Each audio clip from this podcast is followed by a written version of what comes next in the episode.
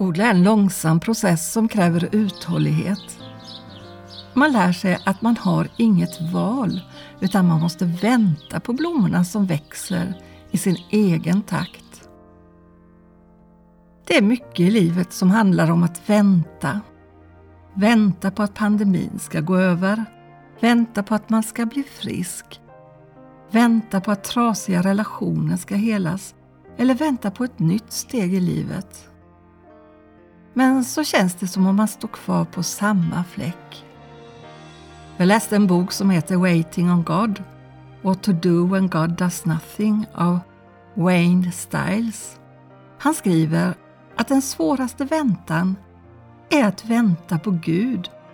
Att vänta på Gud menas att hålla ut tills han ändrar våra omständigheter.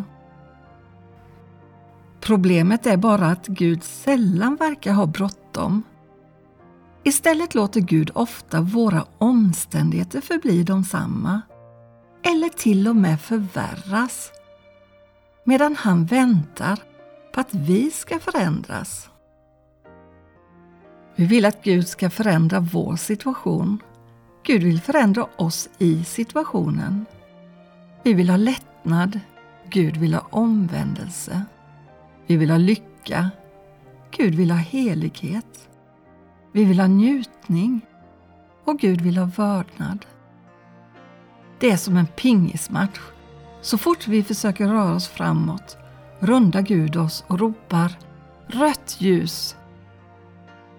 Författaren fortsätter Om vi verkligen kände till helheten skulle vi också vilja ha det Gud vill ge oss på exakt det sätt och vid den tidpunkt då han vill att det ska ske. Det är bara det att vår smärta ofta förblindar oss för det perspektivet. Vi ser bara det röda ljuset. Gud ser syftet, hans goda och kärleksfulla syfte till varför han dröjer. Och även om vi inte kan förstå varför det röda stoppljuset finns där, vet vi vad rött ljus innebär. Har du hört berättelsen om Josef och hans bröder? Den finns i Första Mosebok kapitel 37 och framåt i Bibeln. När Josef var tonåring hade Gud visat i drömmar vad som skulle hända i framtiden. Ja, ganska svårbegripliga drömmar. I en dröm var Josef och bröderna på åken och band kärvar. Josef kärve reste sig upp medan bröderna kärvar bugade sig för hans kärve. Usch vad bröderna hatade Josef. Pappas älsklingspojke, mallgrodan, översittaren tänkte de säkert. Tänk om Josef i förväg hade fått veta om alla svårigheter som låg framför honom. Ja, bröderna ville egentligen döda honom, men istället sålde de honom som slav till köpmän på väg till Egypten. Där blir Josef så småningom falskt anklagad och satt i fängelse under flera år. Josef var separerad från sin pappa Jakob som älskade honom över allt annat. Och pappan trodde att han var död. Det hade hans bröder sagt. Josefs resa tillsammans med Gud tycktes vara allt annat än en spännande ökensafari. Han upplevde många svåra år då Gud tycktes vara helt tyst. Men Gud var inte frånvarande i Josefs liv. Gud var den enda han kunde lita på.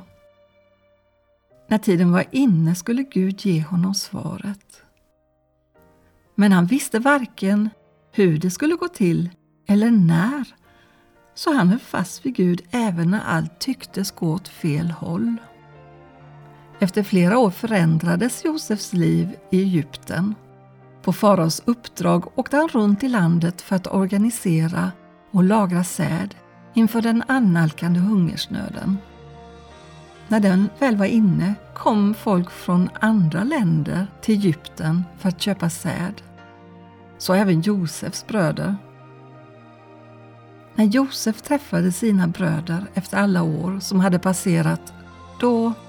Nej, vad som hände då får bli en liten cliffhanger. Om du är nyfiken kan du själv läsa berättelsen som har så många lager. Ja, efter många års separation från familjen slutade berättelsen med en familjeåterförening. Josef hade för länge sedan förlåtit sina bröder. När Josefs bröder äntligen bad honom om förlåtelse för allt ont de hade gjort mot honom sa han var inte rädda, håller ni mig för Gud? Ni tänkte ont om mig, men Gud har tänkt det till godo genom det som nu har skett, för att bevara många människors liv. Var inte rädda, jag ska sörja för er och era barn. Och han tröstade dem och talade vänligt till dem. Ditt liv är kanske inte lika dramatiskt som Josefs, men du upplever kanske ändå att livet inte går din väg. Guds trafikljus verkar aldrig slå om till grönt och ibland känns det till och med som om allt bara blir värre.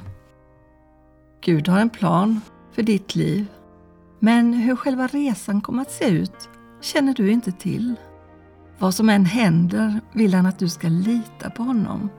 Under tiden du väntar, alla de där enformiga dagarna, vill han forma ditt hjärtas trädgård så att du kan reflektera Jesu kärlek till människor du möter. Om du tycker att han är tyst får du bara vila i att Gud har kontroll och handlar. Han har den stora bilden. Den har inte du. I have a friend who loves me as I am. He is my Lord, my shepherd, I his lamb. I have a friend who wants the best for me.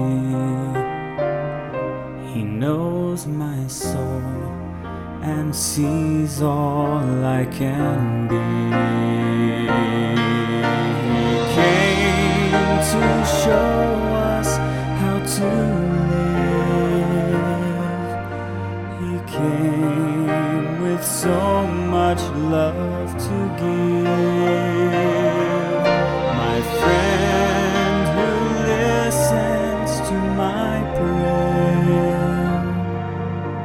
esquecer.